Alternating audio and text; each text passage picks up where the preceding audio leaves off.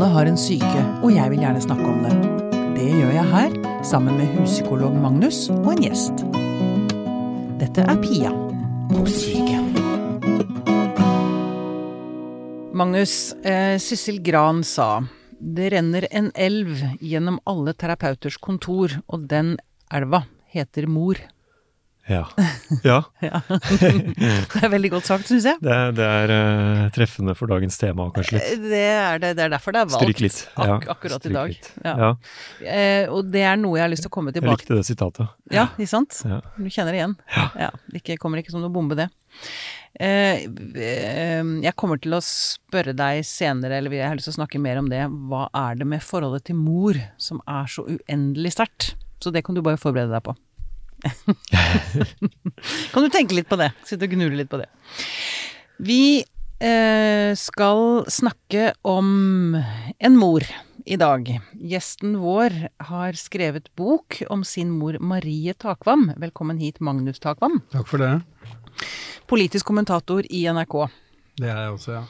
Det er veldig rart å sitte overfor deg, for jeg sitter bare og tenker Arbeiderpartiet og SV og sånn, men eh, Du må glemme det nå. jeg skal prøve å glemme det nå. Ja. Du har altså skrevet boka 'Hun skrev for å kunne leve'. Du var veldig tett på din mor. Vil du si at du var hadde et tettere forhold enn andre? Det vet jeg selvfølgelig ikke, men eh, det hadde jo noe både med tidsepoken å gjøre. Da jeg vokste opp på 50-tallet, eh, født i 52, så var det jo ikke barnehager. Og jeg eh, og min mor var hjemme eh, i huset, så det var oss to tett sammen. eh, så å si hver dag i tre-fire år før eh, det kom en, et nytt søsken inn i bildet. Og kombinasjonen av det og det jeg beskriver som hennes intensitet, eh, gjorde at ja, det ble en ve veldig tett binding. Eh, og jeg har vel også sagt at hun behandlet dette barnet etter hvert som det kunne snakke, tror jeg, som en voksen. Altså det var en samtalepartner og en erstatning. En, hun hadde en, en enorm, et, enormt både eh, fortellerbehov og et sosialt behov og, og Ja. en intensitet i måten å være på som gjorde at jeg var det objektet for dette, da. Eh, Ja. Så du ble behandlet som voksen, er det du sier? Så som en likeverdig Tilnærmet, samtalepartner? Ja, ja. tilnærmet men Mm. ikke som, som man ofte tenker på mor-barn-rollen med liksom eh, ovenfra og nedad og Mm. lek, lekeaktig. Men mm. vi hadde samtaler, blir ble jeg fortalt på bussen, liksom som folk har gjenfortalt, som, som selvfølgelig ikke jeg husker, som var liksom eh, ganske spesielle, tror jeg, om, om eh, livet i sin alminnelighet. Så ja, det var et, ble et veldig tett forhold, og det er klart at det er nettopp det tette forholdet som får en veldig kontrast når det blir et brudd, og det man opplever som et svik seinere, selvfølgelig. Den som du har stått aller nærmest og har vært aller mest avhengig av i livet ditt. Mm, mm. Du brukte lang tid på å skrive boken eh, Hun døde i, var det i 2007? 2008. 2008. Mm. Um, du skriver vel også det at, du- at du brukte lang tid før du liksom orket å begynne å nærme deg stoffet. Var det smertefullt? Ja, Um, altså ble det for tett? det var, det var jo et litt, skal vi si, eh, en kombinasjon av, eh, av det personlige som var en terskel, og, og det journalistiske forfatterbiten også, fordi eh, selve bokprosjektet var jo var jo en kombinasjon av meg selv som førstehåndskilde gjennom mine egne opplevelser, og så var det hull i hennes liv der jeg ikke var til stede, som jeg måtte bruke annenhåndskilder, skriftlige kilder, eh, sykehusjournaler og eh, jevnaldrende. Sånn at både arbeidsmetoden på en måte og den personlige, skal vi si, biten av det eh, var en terskel, da. Men Eh, så etter hvert så, så, så, så vil jeg si at det ble Jeg gjorde en masse research, reiste til Vestlandet, intervjuet folk som hadde, naboer som hadde herset med henne og sykla til setra med henne. og liksom Mm.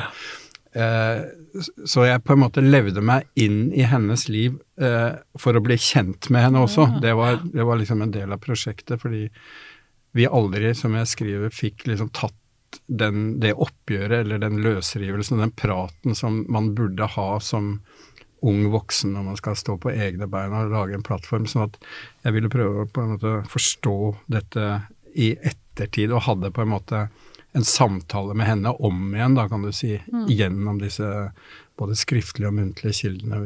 Men det, det må ha vært ganske, en ganske følelsesladet reise for deg?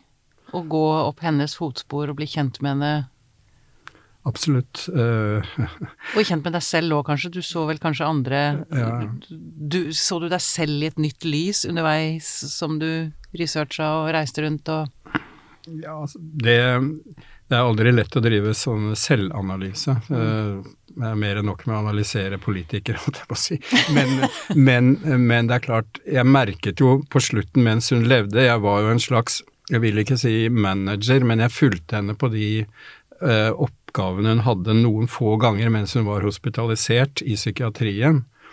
Og så på en måte både responsen hun fikk fremdeles mm. eh, hos publikum gjennom å lese dikt og den måten hun var på, men også hvilke inntrykk andres reaksjoner gjorde på meg. Altså jeg så hvor viktig hennes eh, dikt og hennes fortelling eh, var for andre, og det mm. gjorde et kanskje like sterkt inntrykk å se, se det. Og, og, jeg tror nok mens hun da som sagt levde før hun ble for dårlig til å gjøre den typen ting, så var det noe som fikk, tror jeg indirekte fikk meg til å si at det, det, det gjorde at det var riktig av meg å skrive en bok, da. For det, mm. jeg ville at da også diktene hennes og det hun sto for, skulle bli kjent for nye generasjoner osv. Så videre, så. Ja, mm. Mm. Um, jeg, jeg, har lyst til å, å, å bare få gi lytterne et, et um, grep om henne, fordi uh, vi skal snakke mer om, om hvordan dette påvirket deg, men, men, men, altså utad Hun var jo en, en utrolig fascinerende og fengslende person som Eh, um, som, og, og, du skriver også Hun hadde en veldig altså, Du er jo stolt av henne. Mm. Um, skarpe samtidsanalysene hun hadde og sånn. Mm. Um, også dette at hun ikke gikk i takt. Mm. Altså, hun, hun, er, hun, er, jo et menneske man hadde hatt lyst til å bli kjent med. Jeg kan se henne sitte og mm. holde hoff, liksom, mm. på teaterkafeen. Så hvis, kan, kan, vi, kan, vi, bare. Kan du fortelle litt mer om liksom inntrykk hun gjorde på folk hun, hun traff. Hun hadde en magnetisme, får jeg inntrykk av. Ja, nei, det er uh, uh, Altså, selv da hun var gammel, altså på en måte, og syk, og var i langtidspsykiatrien i Lier, så, og da hadde hun eh, sluttet å drikke fordi hun måtte slutte å drikke for å, for å ikke dø, liksom. Mm. Og hadde fått permanent Og var på en måte, hvis du ser bildene av henne som eh, ja, 75 år gammel, så er hun en vakker eldre dame, men var eh, redusert eh, kognitivt og kunne ikke Hadde ikke korttidshukommelse, hadde Alzheimer utvikling osv. Men selv da, da hun møtte en ung eh, kvinne som intervjuet henne i 1998, så ble Cecilie Seine, som hun het, så fengslet av, av denne utstrålingen at mm. det fikk henne til å skrive en hel bok som hun kalte Livsmot, ja. om eldre kvinner, liksom. Sånn at eh, hun hadde denne magnetismen i seg selv gjennom denne sykdomsperioden. Mm. Og sånn var det selvfølgelig midt, midt i, i, livet også. Men det tragiske selvfølgelig er jo at, at um, da hun levde så hun, Jeg vet ikke, hun taklet kanskje ikke den voldsomme medgangen og den oppmerksomheten hun fikk som ung helt, og hadde denne indre konflikten mellom nedstemthet og uh, oppstemthet i seg i mm. utgangspunktet. Og uh, for ytterverden var hun sjarmerende og, og kafeens sentrum. Uh, men samtidig så, så, så jo jeg den andre siden også, da. Og det er jo den dobbeltheten som, som jeg føler preger denne boka òg. Altså på en måte ja. både den litt sånn forakten for henne og kjærligheten som, som ikke er alltid så lett å balansere. Da. Nei. Men eh, som du sa før vi gikk inn her, det er jo noe med at tiden Mm. hjelper. Altså jo mer avstand, jo mer man tenker på det, jo mer man kjenner igjennom det, Mm. de ulike aspektene, så, så letter det Eller føler du at, du at det er lettere nå, etter at du har skrevet boka, å Ja. forholde deg til henne?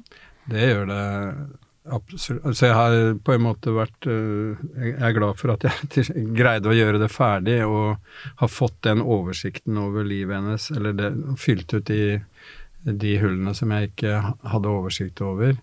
Og øh, jeg har fått respons fra mange enkeltpersoner også som kjenner seg igjen, ikke i eh, historien i seg selv, men i, i typen historie. Det er veldig mange Ja. som, som sier at ja, det minnet meg om min oppvekst da min mor forlot meg eh, i en periode for å gjøre noe annet, og jeg kjempet hele livet med å, å føle om jeg var god nok, liksom, og har kjempet, men har vært en en eh, akademiker og har greid meg bra, men altså den typen respons tyder på at det er en sånn, på en måte en klassisk eh, historie som mange kan kjenne seg igjen i i ulike former. Mm.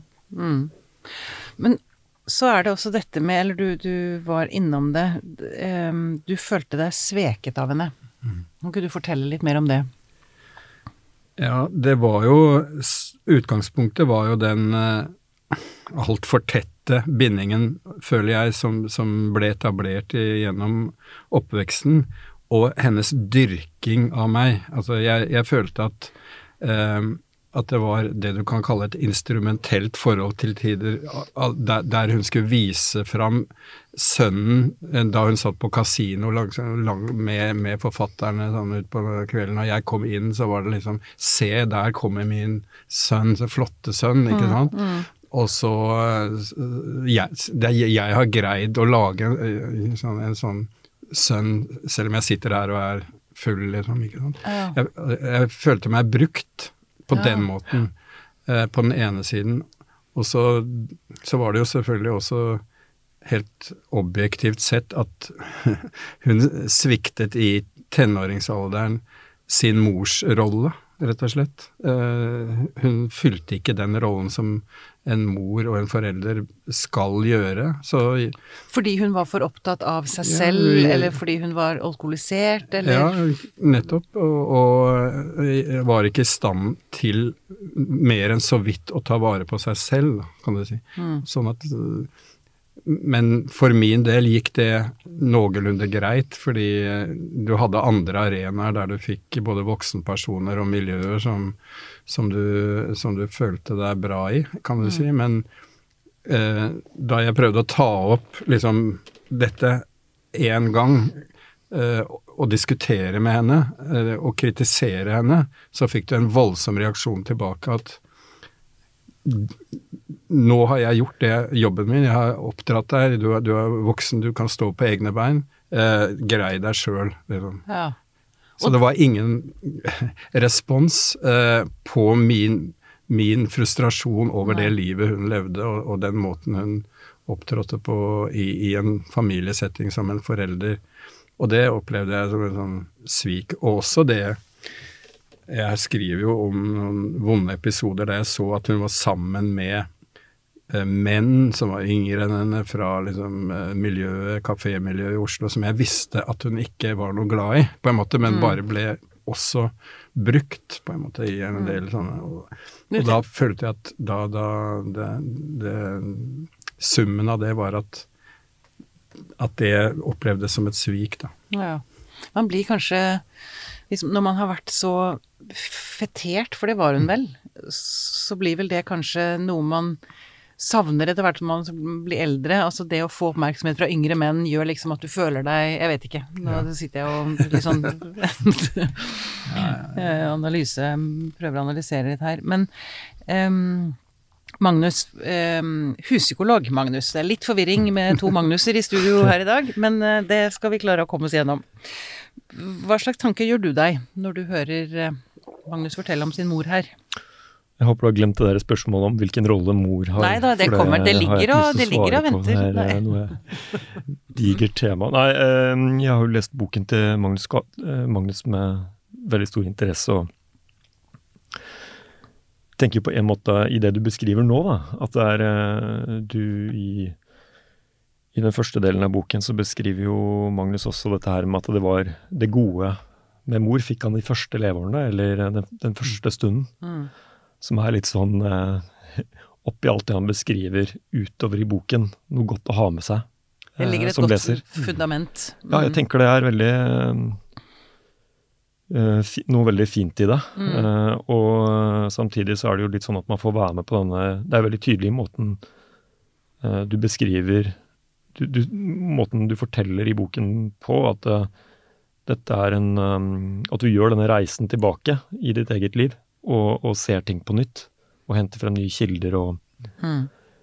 Eh, og eh, jeg kan ikke annet enn å tenke at det er, det er et stort prosjekt. Men jeg sitter og nå jeg har, jeg, har jo ingen, jeg har jo ingen anelse om dette er bra eller ikke, men jeg gjetter når jeg leser på at dette er bra. dette må ha vært bra Altså- for deg, tenker jeg. Prosessen har vært sunn, Ja, det, liksom. jeg får litt, det er det jeg lander, jeg lander liksom litt med det. da, Det er så mye smertefullt. Mm. Det er så mange, Man får innblikk i så mange situasjoner fra, fra Magnus sitt perspektiv som er litt som sånn åh, du kjenner det i mellomgulvet. Mm. Samtidig som det, det lander med noen refleksjoner der eh, du tross alt får det fulle og hele bildet. Du presenterer det fulle og hele bildet av en mor du også var ekstremt glad i og stolt av, og som også utfyller bildet, da. Mm.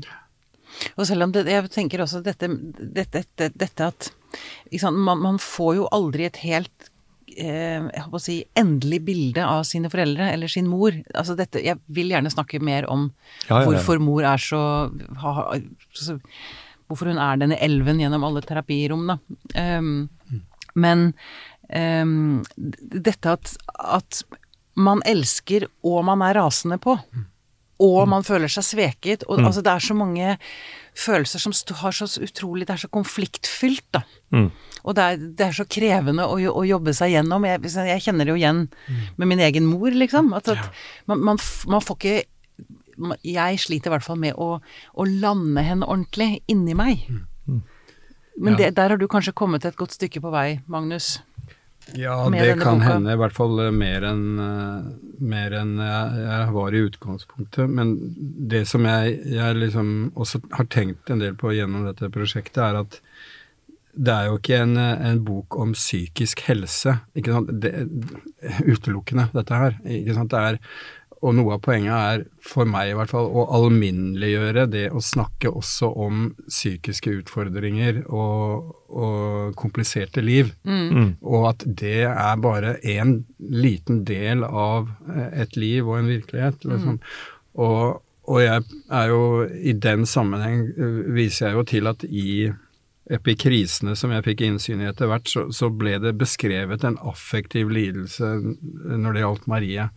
Og da, da, da tenker jeg at det, det er trist på en måte å tenke på at uh, ingen direkte definerte det, selv om man sikkert kunne ane det i hennes liv, at kanskje kunne hun fått en lettere slutt på livet hvis noen hadde på en måte bare satt ord på det og definert og sett henne, da. Så jeg tenker at det det er også en, en av de sidene jeg har tenkt på, kanskje etter at jeg har skrevet at eh, Fordi jeg har fått en del sånne reaksjoner også, eller innspill på nettopp det. og at det, er helt vanlig at folk ikke har det så bra. Ikke sant? Det er helt vanlig, og, og også at barn og foreldre også har det komplisert. Det er liksom eh, ikke, ikke noe mystisk ved det. Og, og de som har det sånn, kan også gjøre fantastiske ting. ikke sant? Og, og liksom det å vise fram eh, denne sammenhengen mellom liv og diktning som jeg prøver å gjøre i boka, er jo også et eksempel på at det blir en kreativ prosess, og liv og diktning glir over i hverandre. ikke sant? Sånn at det er, det er på en måte litt optimisme her òg, da. Ja. ja, for det er altså em, Ja, nå i det, det, Dette Vi havner ofte der, men for det, det er noe med Altså, denne En affektiv lidelse, sannsynligvis bipolaritet, er det ikke det du, du antar? Hvor mye har det å si for diktningen? Ikke sant? Den sårbarheten, de oppturene, mørke, lyset, spenningen. Um, det er vel eh, Det er vel påvist det, Magnus, huspsykolog, at eh, bipolare har en eh, er, har ofte mye kreativitet. Ja, det er, det er, og det er et sånt forskningsfelt som hvor man finner at det er større opphopning også av kreative mennesker i familier der det også er opphopning av bipolar lidelse. Mm. Og også schizofreni, da, kan man Ja. legge til. Men, eh, men akkurat nå med bipolar lidelse, så er det jo også sånn at man med lidelsen også er, eh, ifølge visse studier, da, overrepresentert i Mm. kreative yrker. Men, og i yrker der hvor det krever eh, i, I visse yrker hvor det krever ekstrem prestasjon, da. Mm, Så det, det er riktig. mm, mm.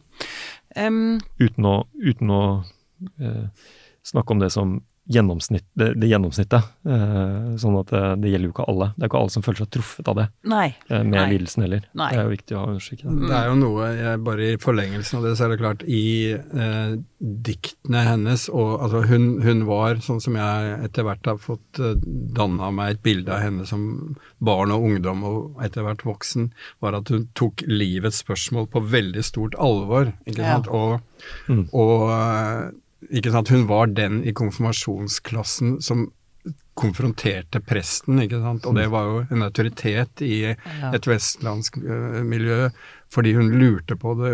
Skulle hun konfirmere seg, ok, så tok hun det på fullt alvor og gikk inn i bibelstudier osv. Og, så og det tok hun med seg når hun etter hvert forlot det religiøse, men eh, liksom denne, denne indre usikkerheten og søken etter, etter sant og riktig Mm. preget jo eh, henne veldig, og kom ut også da selvfølgelig i, i uh, diktene. Mm. Mm, mm. Jeg vil si den, uh, bare for å tilføye til noe av det jeg sa i sted om det å lese boken. Mm. Fordi eh, jeg syns det var utrolig spennende å, å lære å kjenne din mor fra ditt perspektiv. Og akkurat det, der, det motsetningsfulle som du beskriver, Mm. ved, og, og når du knytter bånd, når du knytter, knytter det også an til hennes mor igjen, som denne konservative damen som hun eh, Dypt religiøse. Mm. dypt religiøse Mm. eh, som hun på et visst på en, som du, du, får, du får så veldig Du føler at du får et innblikk i uh, Maries indre ved at hun bry, prøver så voldsomt å bryte ut av det uten å helt klare det. Mm. At hun blir også fast eh, hengende igjen ved det litt. Mm. Mm. Og at hun også på mange andre områder også kan være fremstå veldig radikal, men også en del, ha en del konservative holdninger i det du beskriver. Uh, og motsing, motsetningsfull og kompleks og interessant da, på den måten. Mm. Ja, utroskap for eksempel. Det er klart Ja. hun hadde en? Myten om Maria er jo kunstnerbohemen i- på teaterkafeen, etter hvert kasino, klubbsju, liksom. Men hun hadde med seg denne, denne eh, kristne eh, troskapstanken veldig sterkt inn, inni seg. Mm. Eh, sånn at det, det rev altså på en måte i, i henne, det også. Så eh, det, ja, det satt veldig dypt, og det gjør at eh, hun var veldig motsetningsfylt. Ja. ja. Um, både i levemåte og på andre måter. Mm. Så det Og så tror jeg altså, Det som jeg prøver også å skrive og, og fortelle om, er jo at hun hadde hadde behov for sterke relasjoner, og, og sterke relasjoner til andre mennesker. Mm. Men smerten i relasjonene taklet hun også dårlig. Altså på en måte det å få motstand i, hos en annen. ja. Ikke sant? Mm. Hun var jo vakker, hun ble dyrket, hun gjorde suksess som ung eh, lyriker i Oslo. liksom Og skapte furore og liksom var uredd og gikk på talerstolen i Studentersamfunnet som uh, ung liksom og refset liksom autoritetene og sånne ting. ikke sant? Men i privat Hvis noen ga henne for sterk motstand i en relasjon, så var det veldig lett for at hun bare forsvant og søkte nye relasjoner. ja. Og det er en del av den derre smerten da, som jeg fanget opp, rett og slett, i, gjennom hennes liv. Da. ja. Og det var vel derfor hun tålte motstand fra deg dårlig òg, kanskje, da.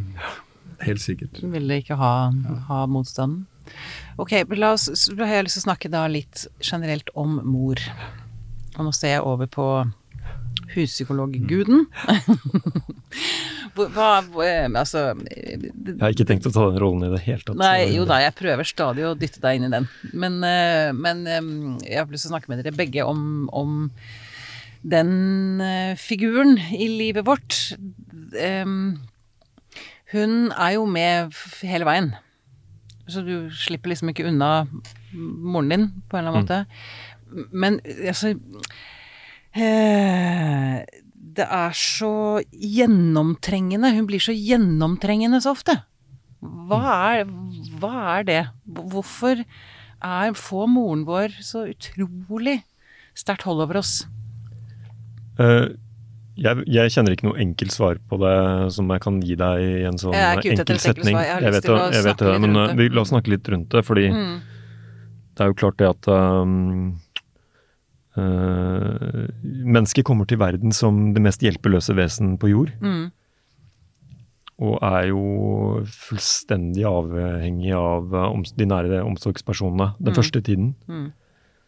Det er i denne tiden også vi skal gå fra å være uh, drevet av st sterke instinkter og uh, enorme følelsestilstander som vi ikke på noen som helst måte er i stand til å knytte til noen mening selv. Mm.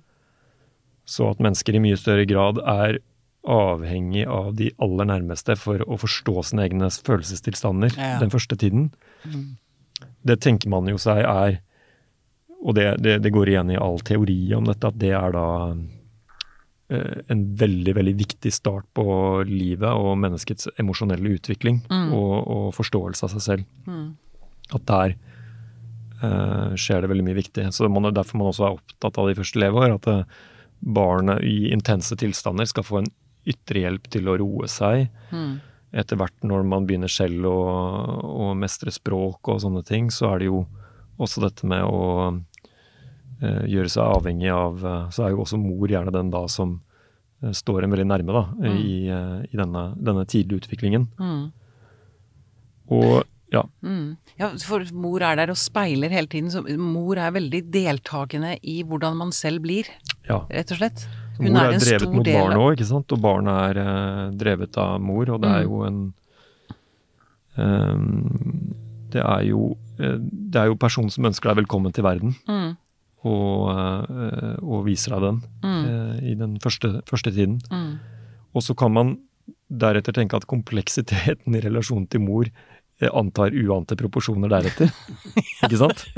Men, men hvis, man sånn av, derre- hvis, liksom. man har det, hvis man har det grunnleggende utgangspunktet, hvis man bare tenker seg at de aller, aller mest primitive, sterke følelsestilstandene, og i begynnelsen så er man jo prisgitt eh, prisgitt eh, sine nære omsorgsgivere for alt. For å Mm. Mors bryst, mors, eh, mors puls. Eh, Mm. Man Eh, man holdes, man uh, roes, man mates, man Mm. gis alt det livet Uh, Man gis alt det man trenger for å holde seg i live. Mm.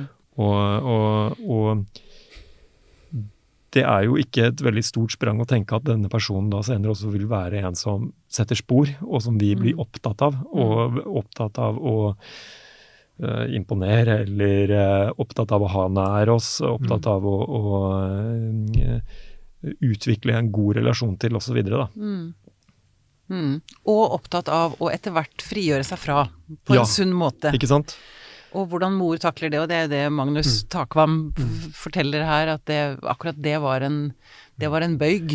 Altså det jeg tenker på er, i forlengelsen av dette, er jo også at eh, ikke sant, eh, jenter ser på sine mødre, de, de skal selv bli mødre og lærer av mor eh, hvordan den rollen etter hvert skal fylles, eller lærer Mm. ikke. Eller, Og lærer hvordan bli kvinne. ja. Altså, mm. Og, men det som i denne spesielle situasjonen, eller historien om Marie, så er det klart at hun De rollene hun vokste opp med i et bygdesamfunn og på en gård, på en måte, i, i det tradisjonelle, mer det gamle samfunnet, der var rolle... Jeg tror det, det er en viktig faktor at rollene var mye mer avklart, ikke sant, i, Ja. i eh, samfunnet, i det samfunnet hun eh, opplevde og levde i. Og det var eh, eh, de var fordelt av nødvendighet. Det var eh, veldig, veldig avklart hva den enkelte skulle gjøre. Ungene skulle også bidra i, i, eh, ut på markene, lage mat. Altså det var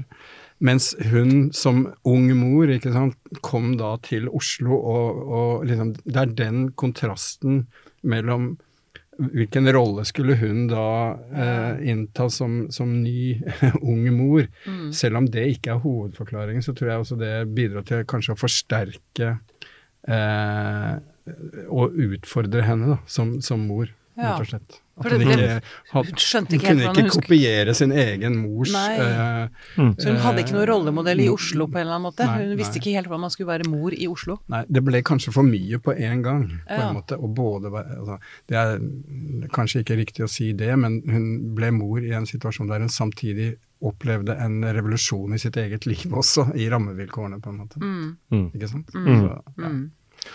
Mm. Eh, ja, skulle du si noe, husekolog, Magnus? Nei. du så ut som du tok sats. Nei. nei. um, jeg lurer også på eh, Hennes mor var da konservativ.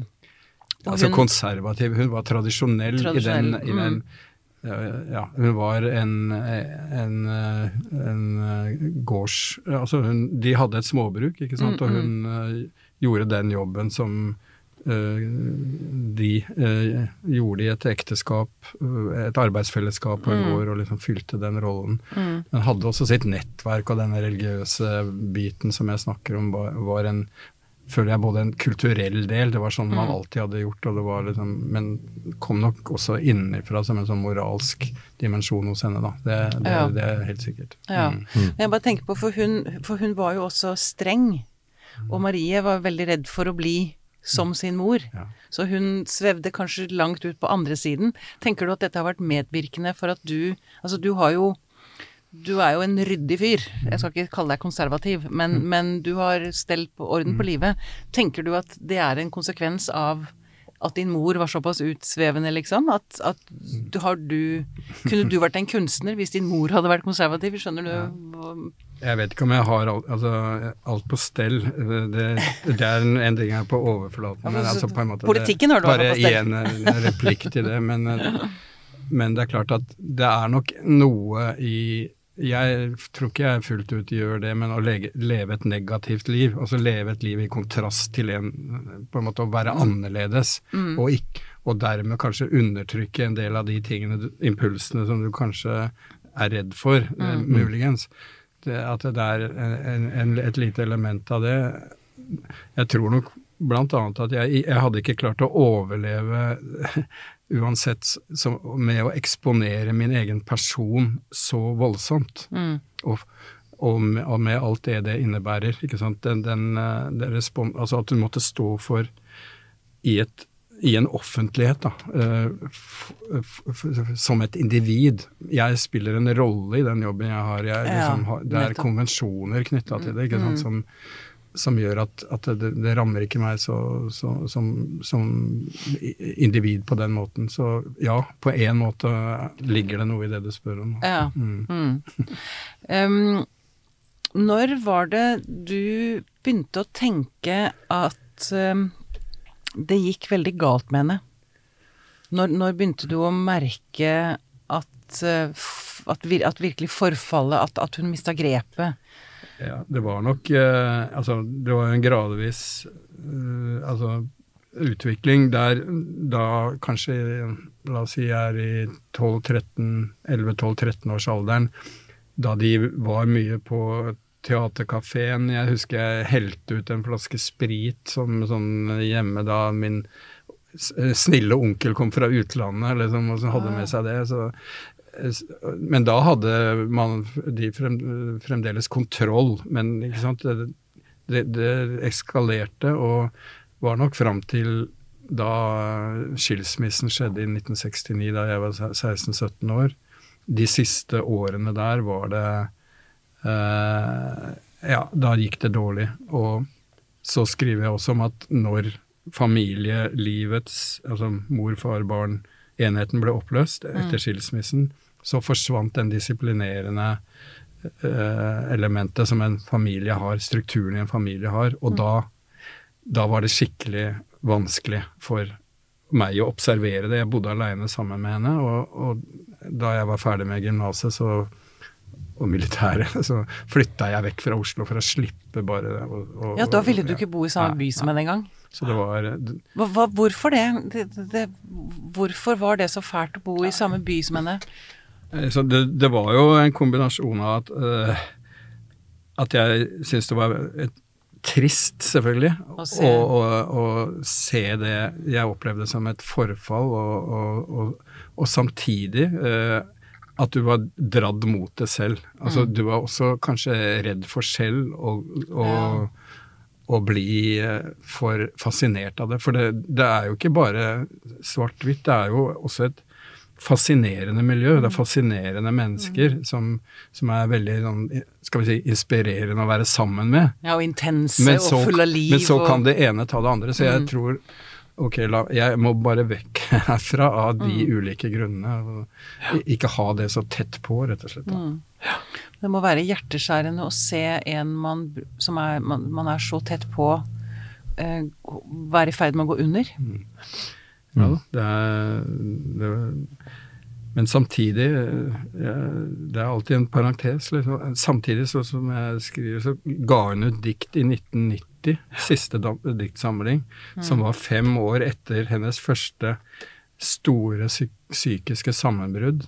Uh, fem år etter det så mm. klarer hun å reise seg og komme tilbake og, og skrive noen av de um, vakreste diktene som hun har gjort. Mm. Så det viser jo samtidig at uh, det var en veldig sterk livsvilje der uh, midt oppi skal vi si, tra tragedien eller, eller eh, forfallet også. Så, mm. Ja. Mm. mm. mm. Jeg har lyst til å spille ballen litt over til Magnus huspsykolog også, dette med å stå ved siden av og se og det er kanskje ekstra sterkt å se en forelder Eller ja, nei, det skal jeg ikke si, men i hvert fall å stå og se at en forelder styrer mot avgrunnen, for du så vel egentlig det? Også selv om det var fine ting inni der, så så du jo at dette ikke kunne ende godt. Ja, det er klart. Det til slutt så, så, så du jo det. Men det er mm. klart du, du man, man, håper kanskje i det lengste at det skal mm. ja, Det ble jo situasjoner som var veldig nedverdigende for henne å, å havne i, som, som, var ikke sant, Å se sin mor liksom, i, en, i, mange situasjoner som var nedverdigende, er ikke bra for et barn, selv om du etter hvert er blitt ungdom, da, kan du si. Mm. Mm. Jeg, jeg, tror um, uh, Ikke for å snakke på vegne av uh, Magnus sin opplevelse med dette her, da, men når det gjelder i hvert fall uh, en sånn type psykisk kollaps, å være pårørende til mor eller far, da. Mm. Så er vel så jeg, jeg, har tenkt mye på, på akkurat dette temaet fordi eh, det er jo vanskelig å være pårørende til noen som har eh, en alvorlig fysisk sykdom også. Mm. Men det er, no, det er, noe mer ved det å være pårørende til pårørende til en som trenger stor hjelp av psykiatrien da, i, en, etter en, i en kollaps. Og det er noe med at uh, eh, hvis du må følge din eh, bevitne din pårørende få hjelp til en kroppslige plager eller en sykdom, så er det et avgrenset felt mm. som du håper at denne legen kan alt om akkurat denne sykdommen osv. Mm.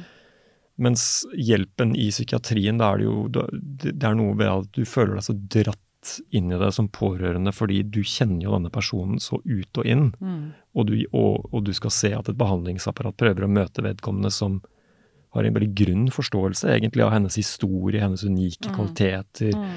De, ser, de, ser, bare et, liksom, et, et lite, litt sånn sjablongaktig bilde av henne i en veldig ekstrem tilstand. Uh, og det er Ser bare diagnosen, kanskje? Ser bare diagnosen, og du leser disse den tekniske beskrivelsen av vanskene som står i journal, mm. som uh, kan være uh, ikke noe hyggelig lesning. Mm. Uh, fordi at dette er jo en person du kjenner i ditt indre som, med en så rik beskrivelse selv. Mm. Så pårørende tror jeg kan ofte føle at det er veldig vanskelig å nå frem med å bli, å bli forstått. Da. Ja. I, og det handler om at vi er normalt trege i oppfattelsen også i psykisk helsevern uh, når det gjelder å ta inn så mye informasjon som man ja. gjerne skulle hatt. da. Ja. Så det er en, uh, ja, Jeg, jeg tror det er noe unikt ved det. Det at man er så Ja. Mm. Mm. Og så er det vel også eh, når, man, når eh, en man elsker får en fysisk sykdom eh, Altså når man får en psykisk sykdom, så går det på personligheten. Altså det går på personen. Eh, som, som, gjør at det blir eh, kanskje enda mer hjerteskjærende på en eller annen måte, da. Eh, kan være. Det lurer jeg på. Mm. Så er det klart at i dette tilfellet her er det jo, Marie sitt tilfelle, så var det jo en kombinasjon av eh, rusmisbruk altså, og, og psyki, altså, psykisk lidelse og en eh, sam, samvirkning ja, av, av, de to tingene. Ikke sant? Ja. Altså, en ting er Selvmedisinering er det vel du Ja, nettopp. Men mm. altså, én ting er ikke sant, en, en, en sterk psykisk lidelse, et sammenbrudd som, som, som er, er, det, er én tilstand. Og så er, mm. er, er, denne kombinasjonen av om, som er selvmedisinering og liksom virkelighetsflukten og liksom for å overleve og alle de på en måte jeg oppfatter som livsløgnene og selvbedragene som kommer i kjølvannet av, av, det, ikke sant. Mm, mm. Jeg skriver jo annet at jeg opplevde at noen av diktene som for meg, som er annerledes for andre, men for meg er de eh, noen av de et selvbedrag. Mm. Og det er en del av en sånn tilstand, føler jeg. Altså at du, du må trøste deg sjøl, du må legitimere ditt eget liv også. Det er jo en ja. sånn menneskelig mm. kraft. Og da er det den fortellingen at det er bare den som virkelig har vært langt nede, som har liksom opplevd mm. smerte og krabbet ja. i rennesteinen, som vet hva det er å leve. Mm. Ja. Og det, når jeg leste det diktet, så, tenk, så tenkte jeg biografisk direkte på henne. Dette, dette, vet du ikke er ikke riktig. Mens for andre er det, det diktet en historie om at ok, du kan leve, ha det vondt, men du, du kan alltid komme tilbake og, og, og reise deg igjen. Det, det, er det positive ved det. Men for meg var det annerledes. Ja. ja. Så hun eh, renvasket ja. Ja. Man, man, lager et, et, glanset bilde av Det er min oppfatning av det. Det er sånn jeg tolket det som sønn, da, som har observert henne, da, kan ja. du si. Og det er muligens ikke riktig, men det var i hvert fall min, min opplevelse av det. Ja. ja. Mm. Så det på Dagsrevyen da du var intervjuet der, trakk frem det samme poenget, med, og, og, også med et videoklipp av moren din, hvor hun sier noe i retning av eh, og, du, og du sier noe med dette at man, man, eh, da, da, formulerte du det på en måte som var veldig interessant. altså At eh, det nærmest var en forutsetning. altså Noe man måtte sette forut for et ja. godt liv. Ja. Var å ha vært i Rennesteinen. Ja, for et ekte liv. For et, ekte, ekte liv. liv. Et ekte liv, ja. Mm. Riktig. Nettopp. Mm. Og da, da, ga det veldig mening i den sammenhengen. Og, ja. ja. det er en slags romantisering, romantisering. av bohemen også, da, på en måte. Ja, ja. Og det er jo det som er eh, Men det er jo Ok, det, for Marie var De som kjente henne, var jo fascinert av henne, som du har vært mm. inne på. Og det, de, de, så jo den sjarmerende galskapen da, som, mm. som, er, som, også er der, altså. Mm. mm. ikke mm. Men ikke utelukkende. Nei. Ikke bare. Nei. Jeg har lyst til å, å løfte frem noe annet som, eh, i boka som jeg har lyst til å ja, høre hva dere tenker om. Det var noe Jostein Gaarder sa til deg. Mm. Eh, nå må du slutte å bruke din mor som eneste forklaringen, og selv ta ansvar. Slutt å dyrke din egen vanskelige barndom. Det er knallhardt. Og jeg vet ikke om jeg er helt enig. hva syns du, hva tenker du om det, Magnus Takvam? Mm. Du kan jo si at hva er det jeg driver med nå, egentlig? Er det ikke akkurat det? Ja. Det, eh, det er kanskje men for meg var jeg bare skriver om det fordi det slo meg veldig uh, som riktig på en måte den gangen jeg, jeg, hørte det. Fordi budskapet er jo egentlig at uh, ja, du, det er mye Du har opplevd mye komplisert. Du har hatt relasjoner som gjør at, at du, du, du, kan ha problemer i, i nåtid. Men du må gå videre. Da. Mm. Altså, du, må, du, må, ansvarliggjøre deg selv mm. Eh, som, som, et menneske som, som Sånn at ikke du f.eks. repeterer de feilene overfor andre igjen, mm. og liksom blir den overfladiske, liksom, in, på en måte selvopptatte personen. Så jeg følte at det var en riktig mm. eh, kritikk. Mm.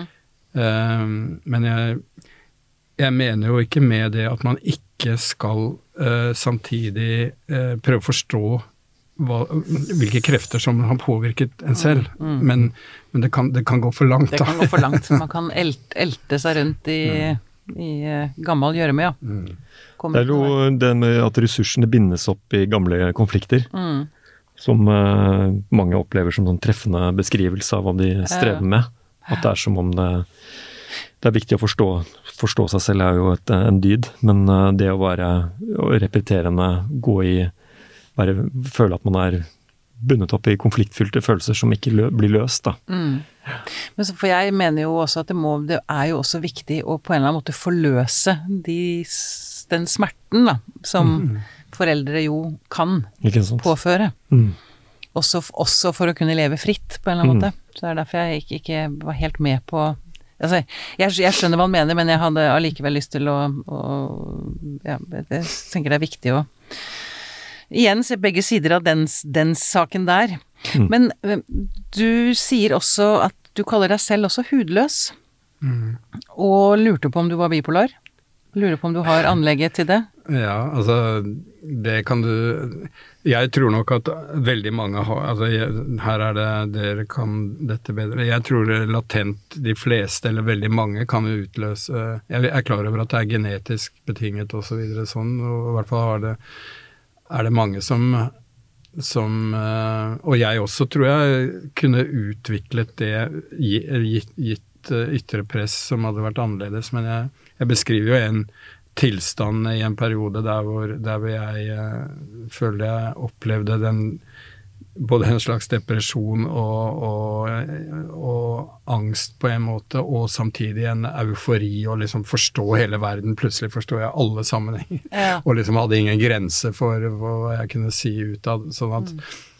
gitt med, med, en død i vår nære familie som, som utløste det, det da. Mm. Og, og liksom og så var kanskje livssituasjonen min hadde liksom tilsa at ja, den gikk rett inn i en litt sånn tung livssituasjon og meningsløs tilværelse, på en måte. Mm, mm. Hvis du samtidig får det ytre, den ytre impulsen, så tror jeg kanskje at hadde ikke jeg kommet meg ut av det, så kunne man øh, videreutviklet det. Men jeg jo bare etter hvert bygde livet videre og tok en annen utdanningsvei og fikk egen familie og liksom som jeg skriver, bygde det tilværelsen som gjør livet meningsfullt. Mm. Eh, heldigvis, da. Så, mm. Men som sagt, jeg tror mange, mange kan oppleve kan, kan, få dette utløst. Og det er jo først når det går ut over relasjoner eller jobb eller, eller hverdagsliv, det er en, en, et problem. Mm. Det er mye bra i en sånn spenning òg. Ja, ja, ja. ja da, absolutt. absolutt. Du, så lurer jeg på nå mot slutten um, Hva ville din mor Marie sagt om boka? Ja, det er et vanskelig spørsmål. Eh, jeg tror eh, hun ville hatt uh, liksom sikkert sine replikker til den. Altså, mm. Det er på noen steder jeg analyserer henne. Mm. F.eks. henne det jeg har vært litt inne på, at hennes uh, problematiske forhold i relasjoner, dette å ikke tåle motstand og sånn.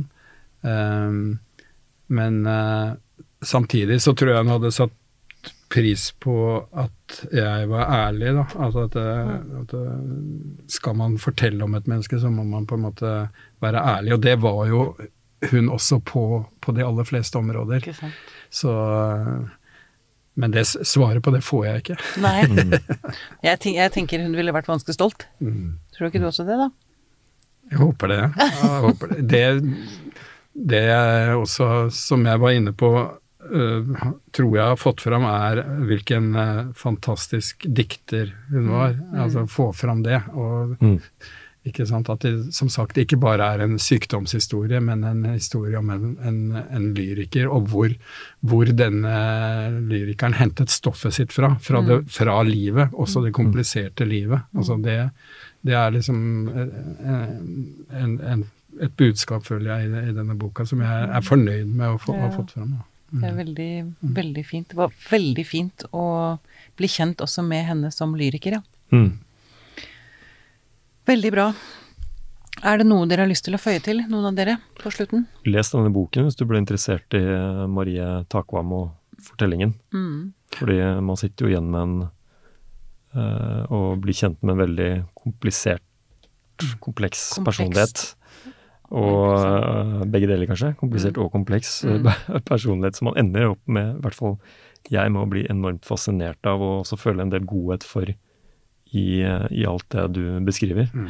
Som er ja, Det er fint. Jeg tror nok det er viktig å få fram at det er vanskelige ting og kompliserte ting i de aller fleste menneskers liv. mm. Eh, og at eh, det er topper og bånder, men, men samtidig kan det livet være ganske fantastisk likevel. Mm.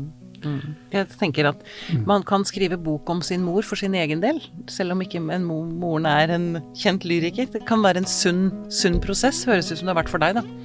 Absolutt. Mm. Veldig fint å ha deg i studio. Tusen takk for at du kom til oss, Magnus Takvam. Bare hyggelig. Takk. Takk for meg.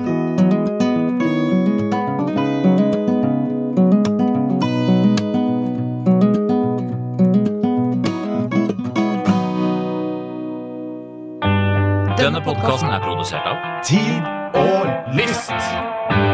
Med støtte fra stiftelsen Kåre Berg.